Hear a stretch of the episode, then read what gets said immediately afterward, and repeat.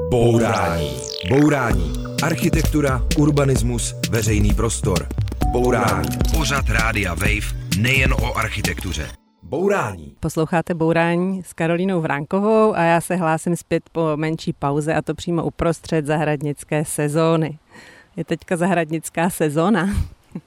tak teď je vlastně druhá část, první byla na jaře a teď je na podzim, takže je. A takže jsem přišla na návštěvu k Tereze Rapsové, což je krajinářská architektka, má ateliér YYYY, k tomu názvu se ještě dostaneme a ta zahrady projektuje, ale taky jednu menší ve vnitrobloku pěstuje.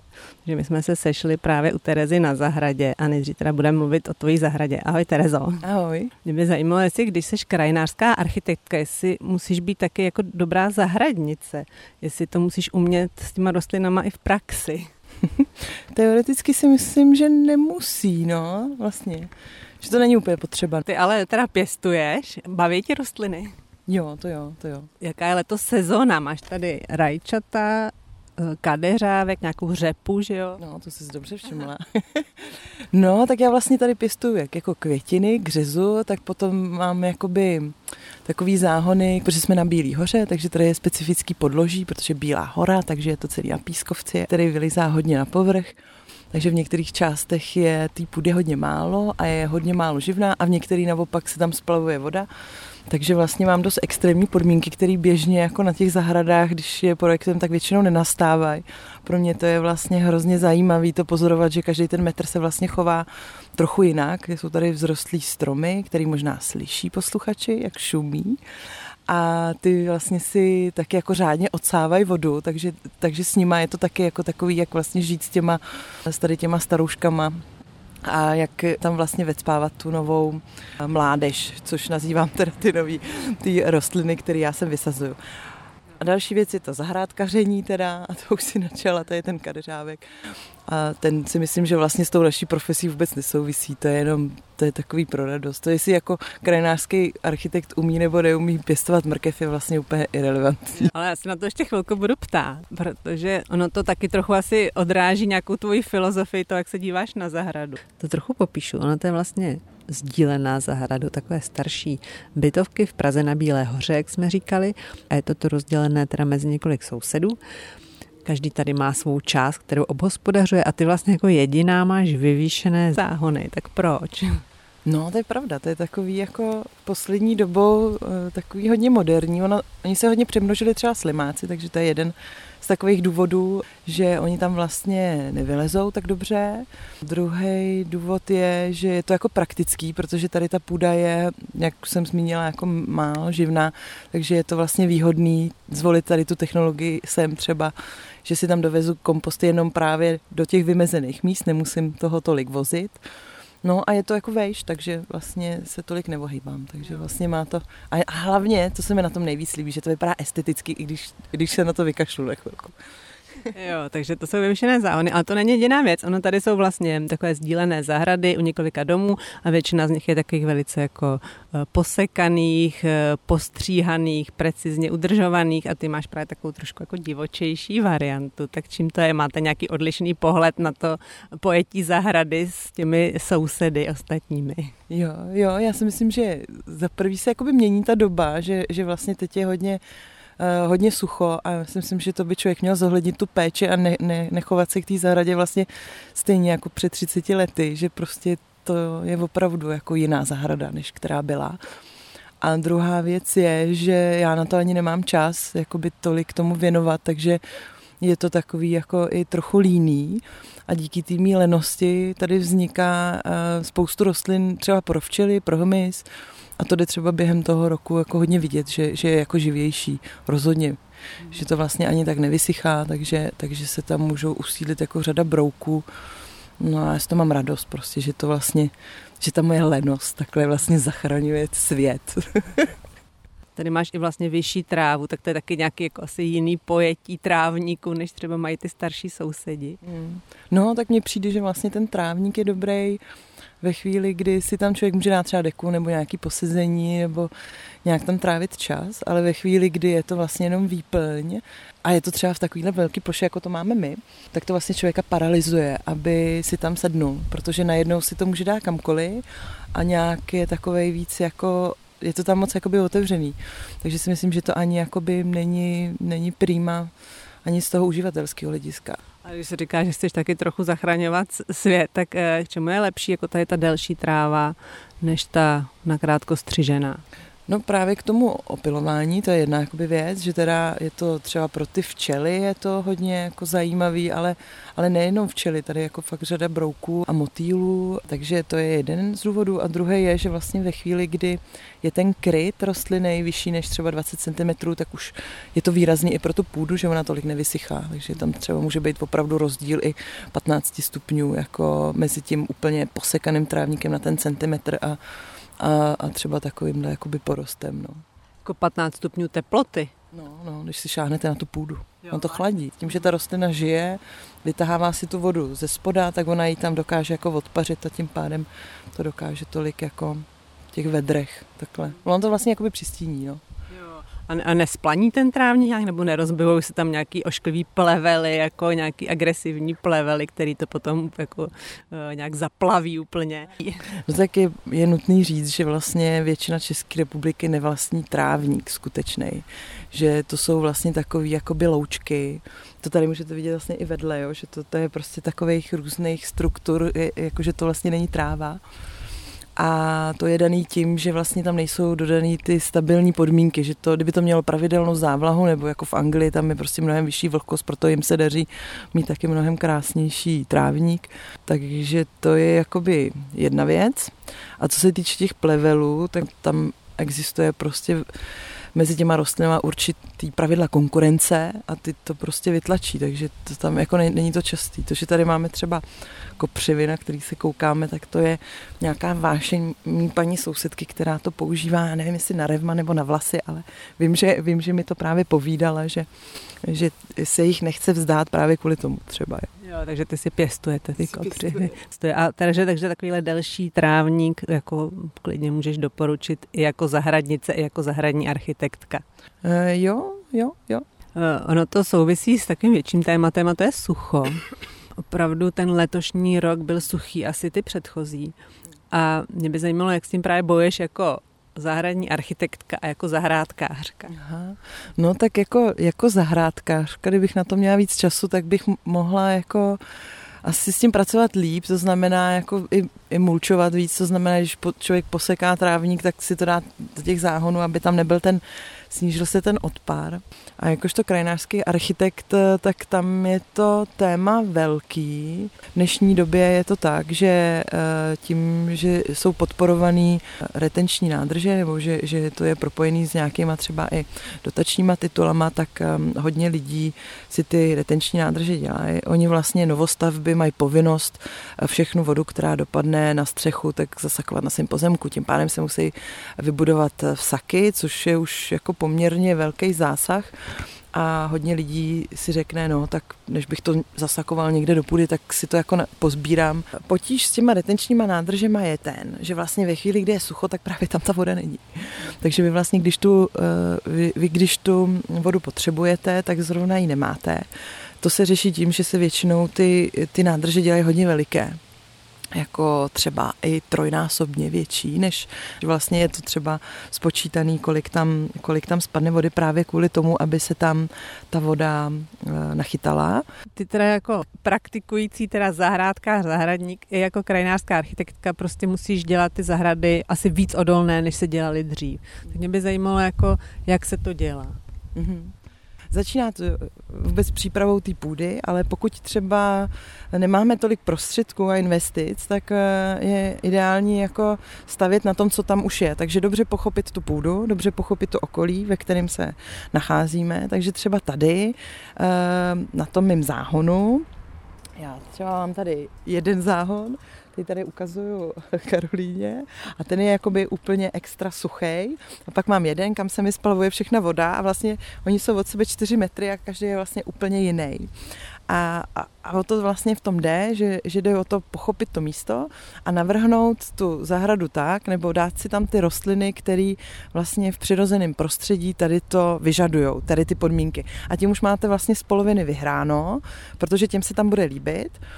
A ještě je dobrý je vlastně vrstvy, aby vlastně vytvářely sami ty rostliny určitě jako patra a oni každou sezónu třeba ta zahrada bude vypadat trochu jinak, podle toho, jaký budou podmínky, tak se vždycky nějaký ten druh tam víc rozmnoží a nějak který zase umenší a pak zase další rok to bude třeba jinak. A, ale tím vlastně docílíte toho, že tam tu vodu jakoby udržíte, tím, tím že tam děláte ten mix.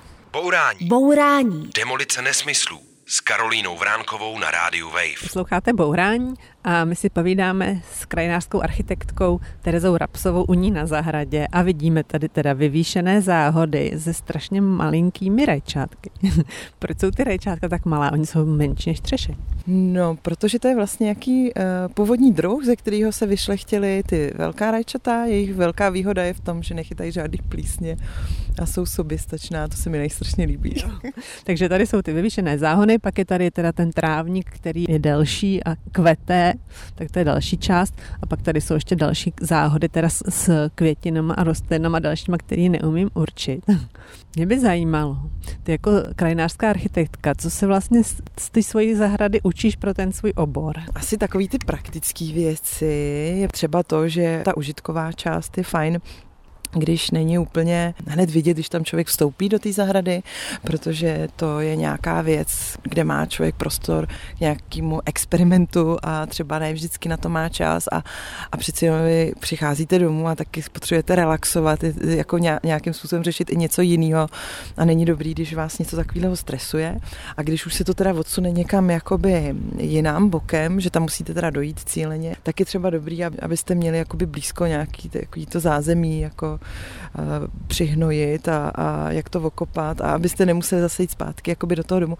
Takže to třeba propojit. Takže to, to jsem si třeba tady na tom uvědomila, to tady mám takovou představu, že to bych ještě dovybavila nějakou, nějakou třeba lavicí, do který se takovéhle věci dají schovat, aby si tam člověk mohl sednout, zavřít to, ale zároveň, aby tam byly ty věci, co zrovna potřebuje v tu chvíli, na, na, na tu péči. Tak jo, takže prakticky uspořádání mít vždy po ruce motičku a nemuset pro ní chodit moc daleko, aby si to člověk náhodou třeba cestou nerozmyslel.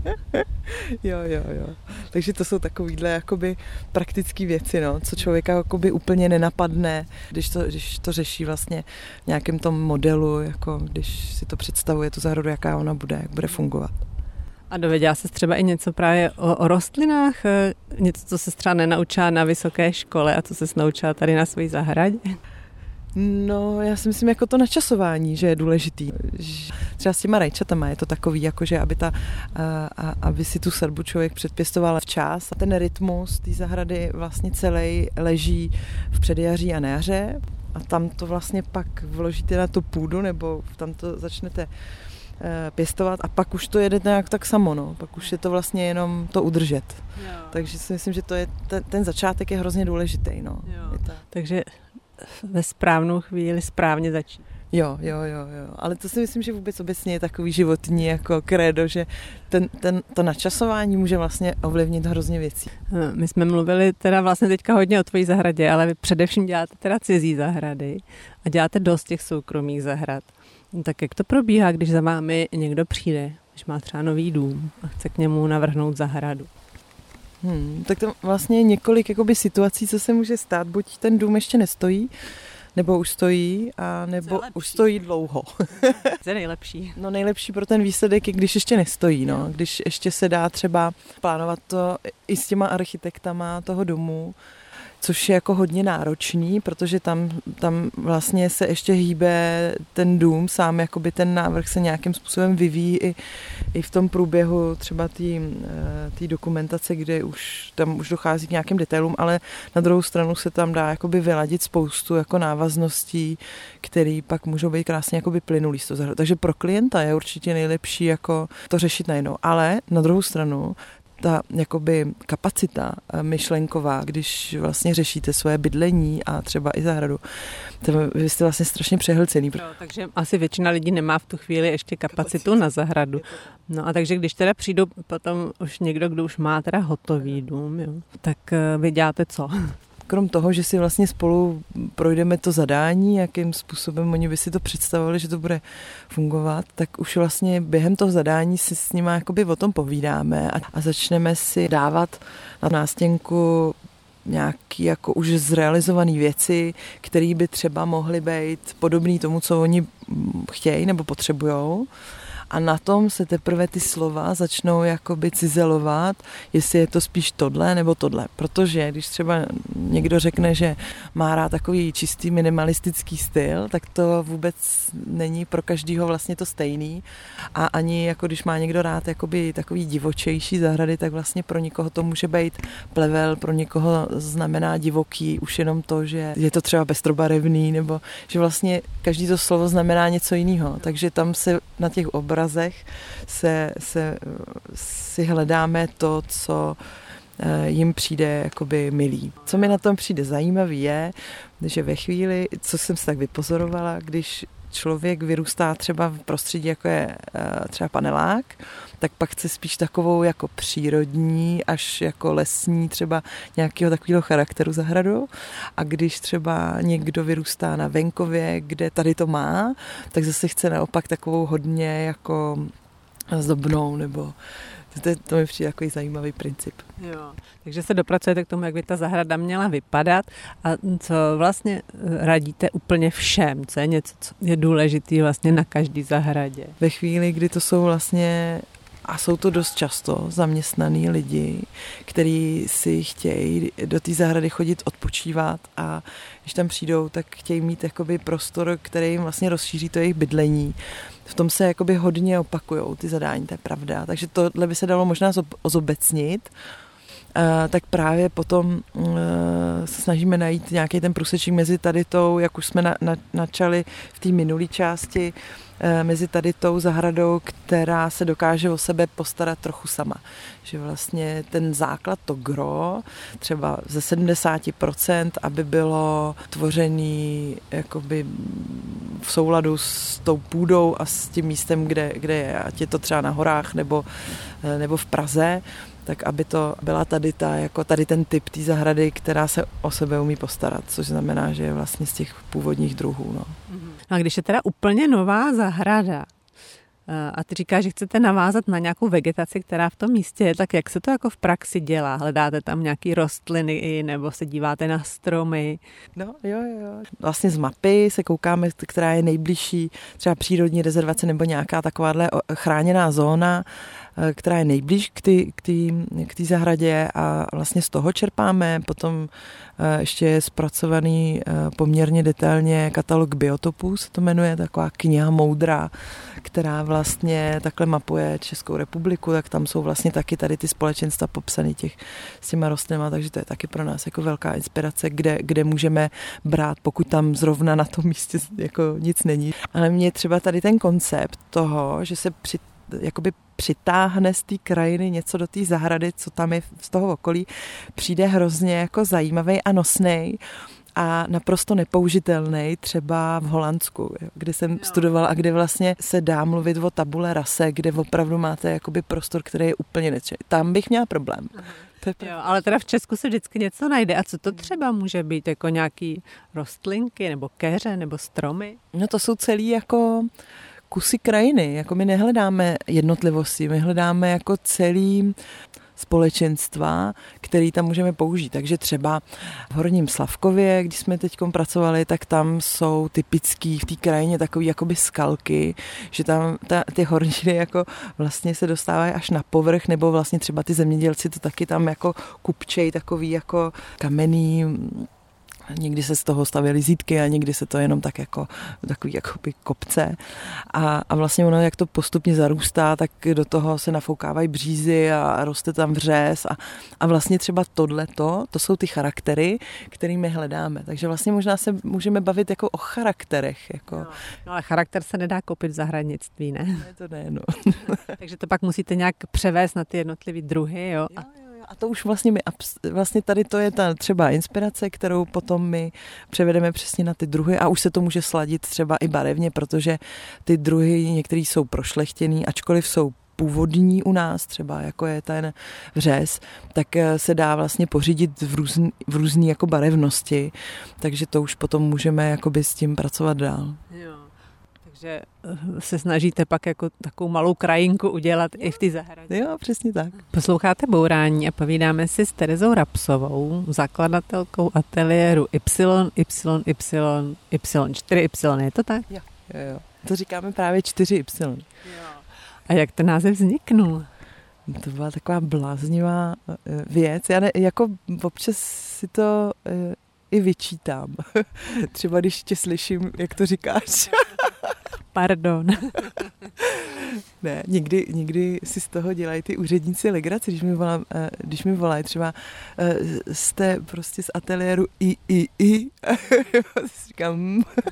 ne, eh, jak to vzniklo? No, to vzniklo vlastně z toho, že když jsem hledala nějaký jakoby zdroj, hm, z čeho bude vycházet ten ateliér, tak jsem si dělala takovou jako myšlenkovou mapu, prostě co, co je pro mě vlastně v té krajinářské architektuře důležitý. Já jsem nechtěla, aby se ten ateliér jmenoval po mně. Pardon, proč? No? protože, uh, protože jsem chtěla, aby to byl nějaký jako koncept, se kterým se dokáže stotožnit jako víc lidí a že vlastně tam nejde o to, že to jsem úplně já, ale spíš jde o to, že jde o, ten, o tu koncepci. To znamená, že my třeba máme jakoby velký důraz na to, aby jsme pracovali v týmu, aby jsme vlastně každý tam přinášel nějaký ty svoje talenty nebo i, i ty svoje jakoby pohledy a z toho vzniká nějaká fůze. A, ale vlastně všichni co tam jsme, se s tady tou myšlenkou stotožňujeme. Že to, to je jako by to důležité. No a teď tu myšlenku tady. A teď to Y. a teď tu Y myšlenku. Eh, krajinářská architektura je vlastně obecně jakoby relativně mladý obor.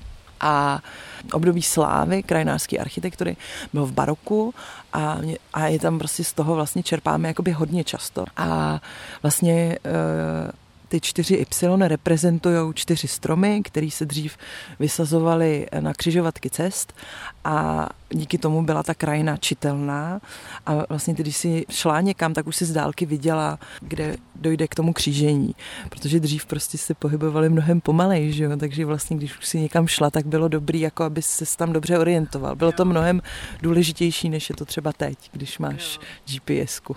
Takže 4Y jsou čtyři stromy. A jak se to správně čte? 4Y. A kdy jsi ten ateliér založila? Ty jsi ho založila vlastně krátce po škole, že jo?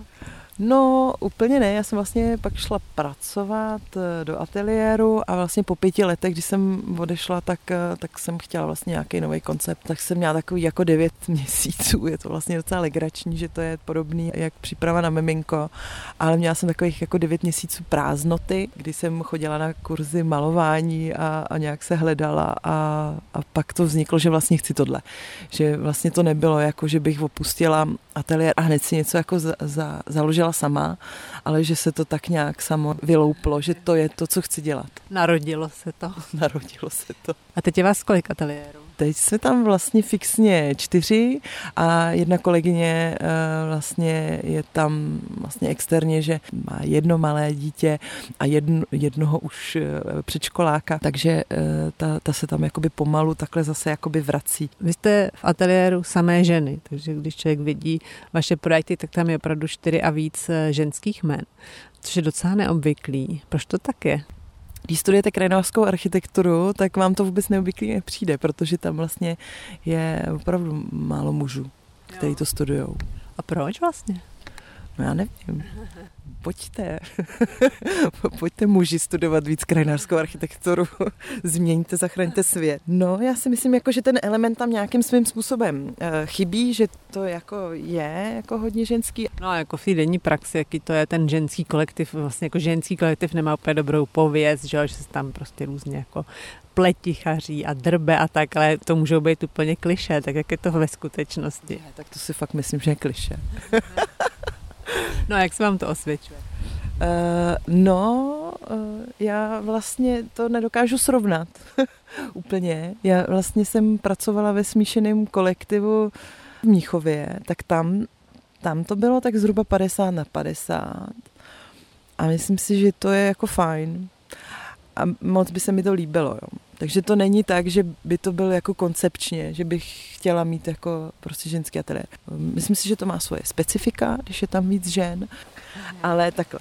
Eh, přijde mi, že hodně, eh, kdo, kdo jako studuje krajinářskou architekturu, takže jsou takový jako hodně mm, senzitivní, nebo v dnešní době se mluví o hypersenzitivitě, že to jsou hodně vnímavý e, typy. A tady ty typy se jako třeba snadno přehltějí, takže ve chvíli, kdy, kdy vlastně řešíte pořád nějaký úpravy a editace a tak eh, vlastně mají i jako zvýšenou citlivost tady ty typy lidí třeba k vyhoření a je potřeba s tím nějakým způsobem nakládat. Je, je, to, je to prostě jiný řízení, než když jdete třeba do banky a pracujete tam zase s jiným typem jako lidí, který třeba uh, víc reflektují takový ty příručky, jak, jak víc lidi, tak je to podle mě víc o tady těch, než, než vlastně o těch citlivých uh, třeba architektech nebo o tady těch jako uh, lidech, který, který uh, to potřebují jinak prostě. Ty jako šéfka, tak co konkrétně to pro tebe znamená? Jaký musíš volit styl řízení?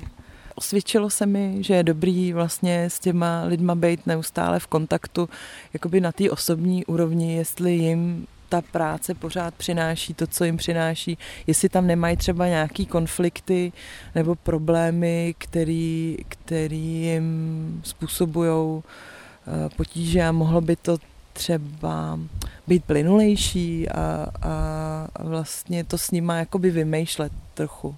Vlastně to řídit s nima, no.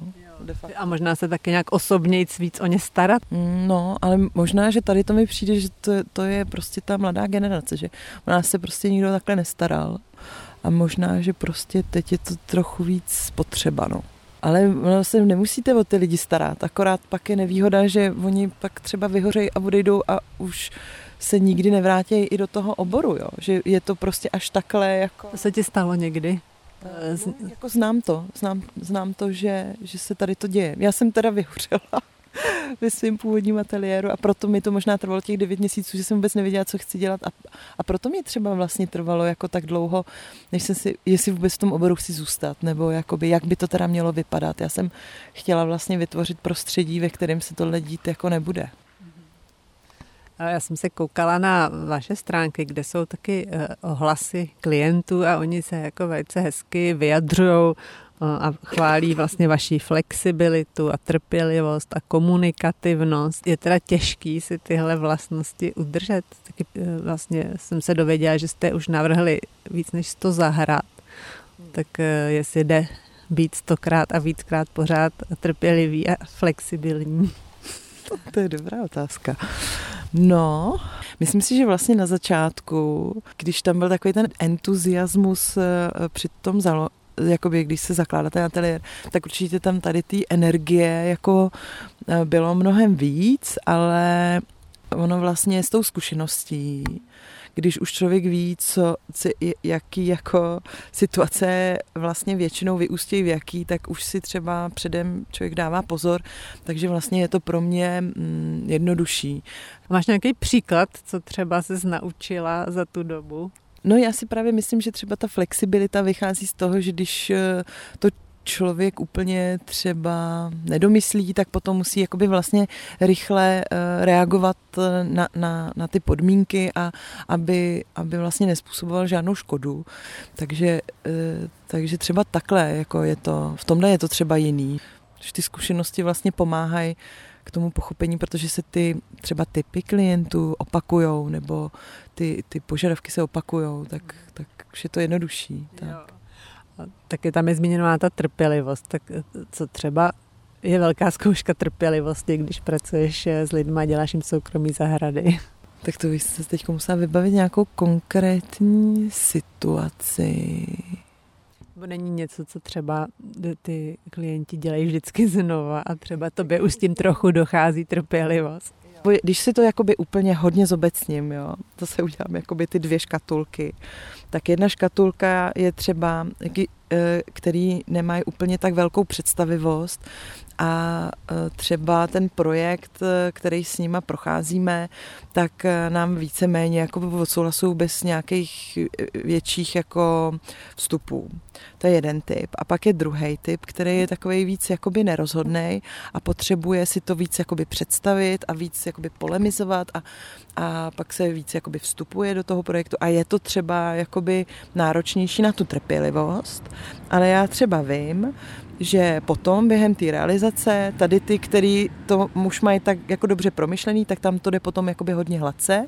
A naopak třeba ten první typ může mít během té realizace pak jakoby pocit, že to takhle úplně třeba nechtěl, protože si to nedokázal představit. Takže vlastně oba dva ty typy potřebují tu trpělivost v jinou část tý, eh, tý, tý, jakoby toho procesu.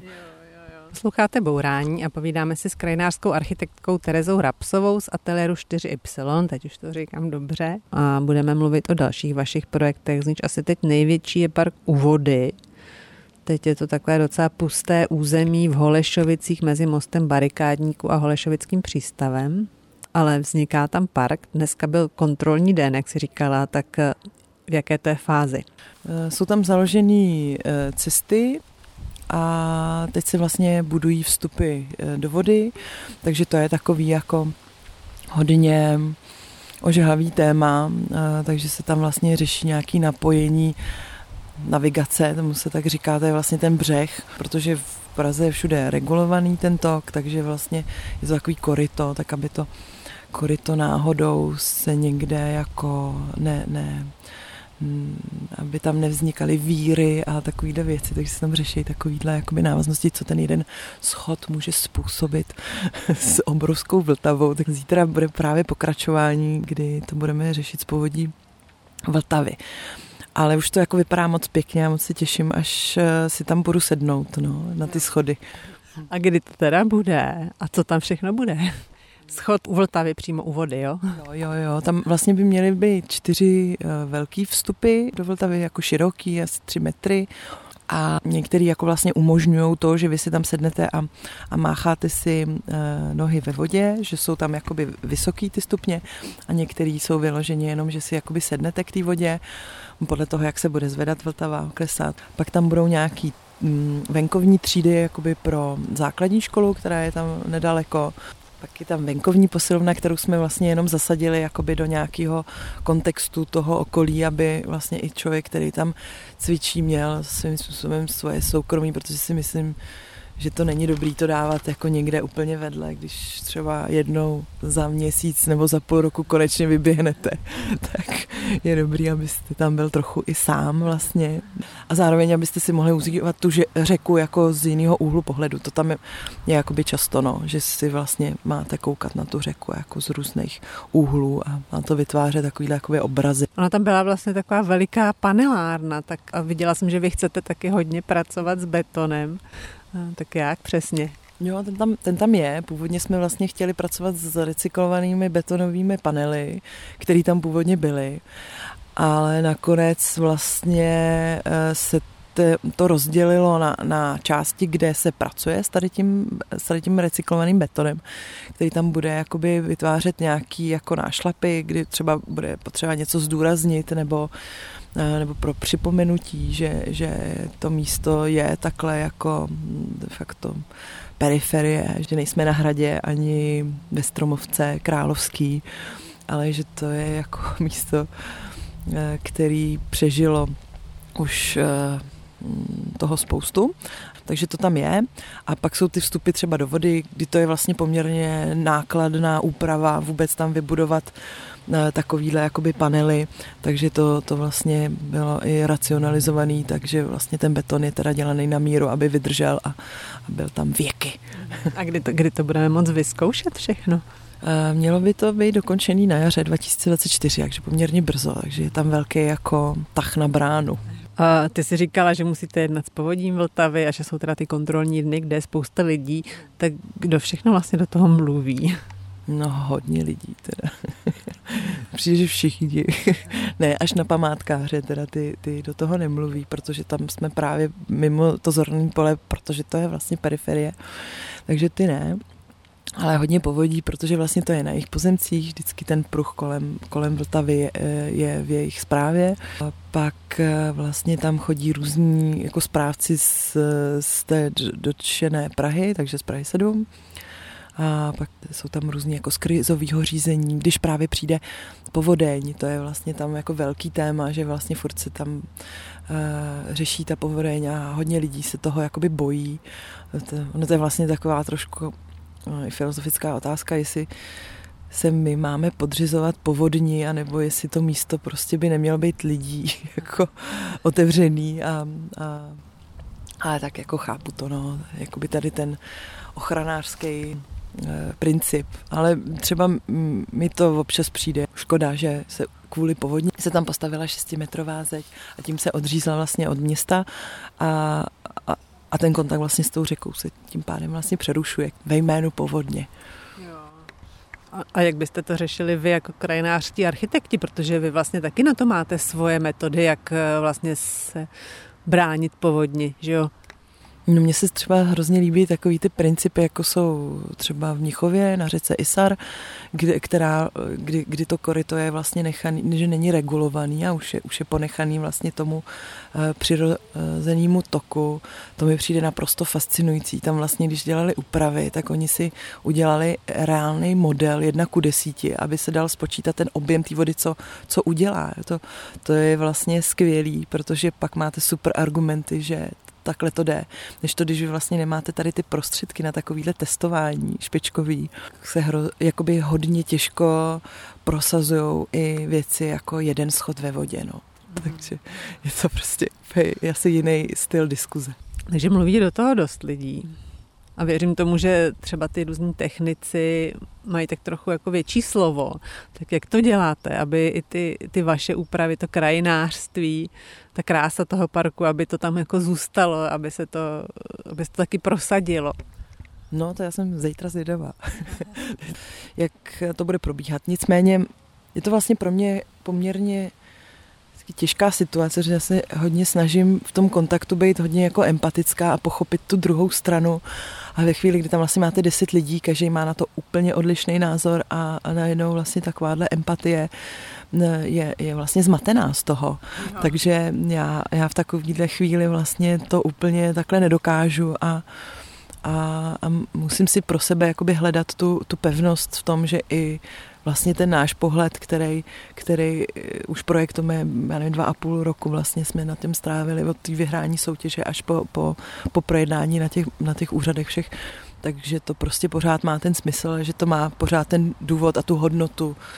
A tak je potřeba mm, se trochu jakoby vžít do té role eh, toho architekta, který vlastně nosí ten, má ten přínos tomu městu a zároveň samozřejmě hledáte ty kompromisy, ale zase, aby se to v těch kompromisech vlastně všechno jako neroz, nerozpustilo. Takže to může být vlastně dost těžký.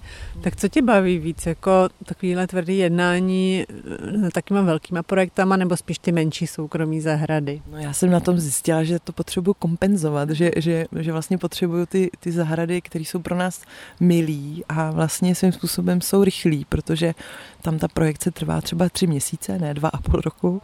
To je jedna věc, takže vlastně na ten výsledek nemusíte čekat tak dlouho. A i to jednání je vlastně mnohem snažší pro mě, protože tam tou empatii jako můžu mnohem snáš jako platnit. Já bych se ještě na závěr vrátila tady na tu vaší zahradu. Eh, našla jsem na vašich stránkách takovou hezkou větu, eh, že chcete dělat zahrady, které prohlubují pocit domova a rozvíjejí své majitele.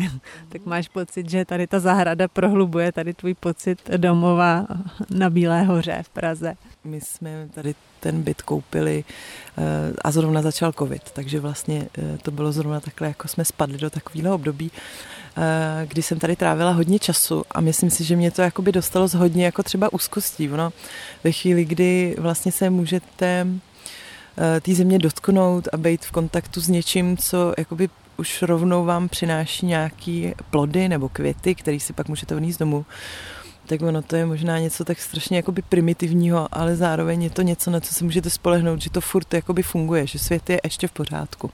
Takže tady tom si myslím, že to je skvělý.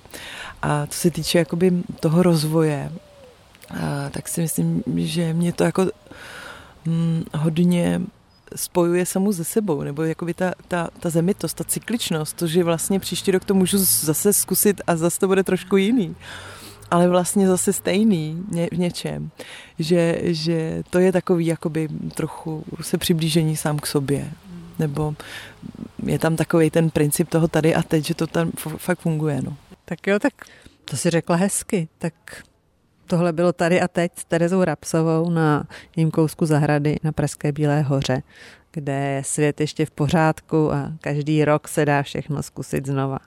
Tak děkuji, Teresa, že jsem se mohla přijít. Ahoj. Tak ahoj, taky děkuji. A já se učím s posluchači, užívejte zahradnickou sezónu, anebo prostě jenom poslední dny léta, mějte se dobře a poslouchejte bourání. Naschledanou. Nemáš nikdy dost bourání? Poslouchej náš podcast a bourej kdykoliv a kdekoliv. Přihlas k odběru podcastu na wave.cz lomeno podcasty.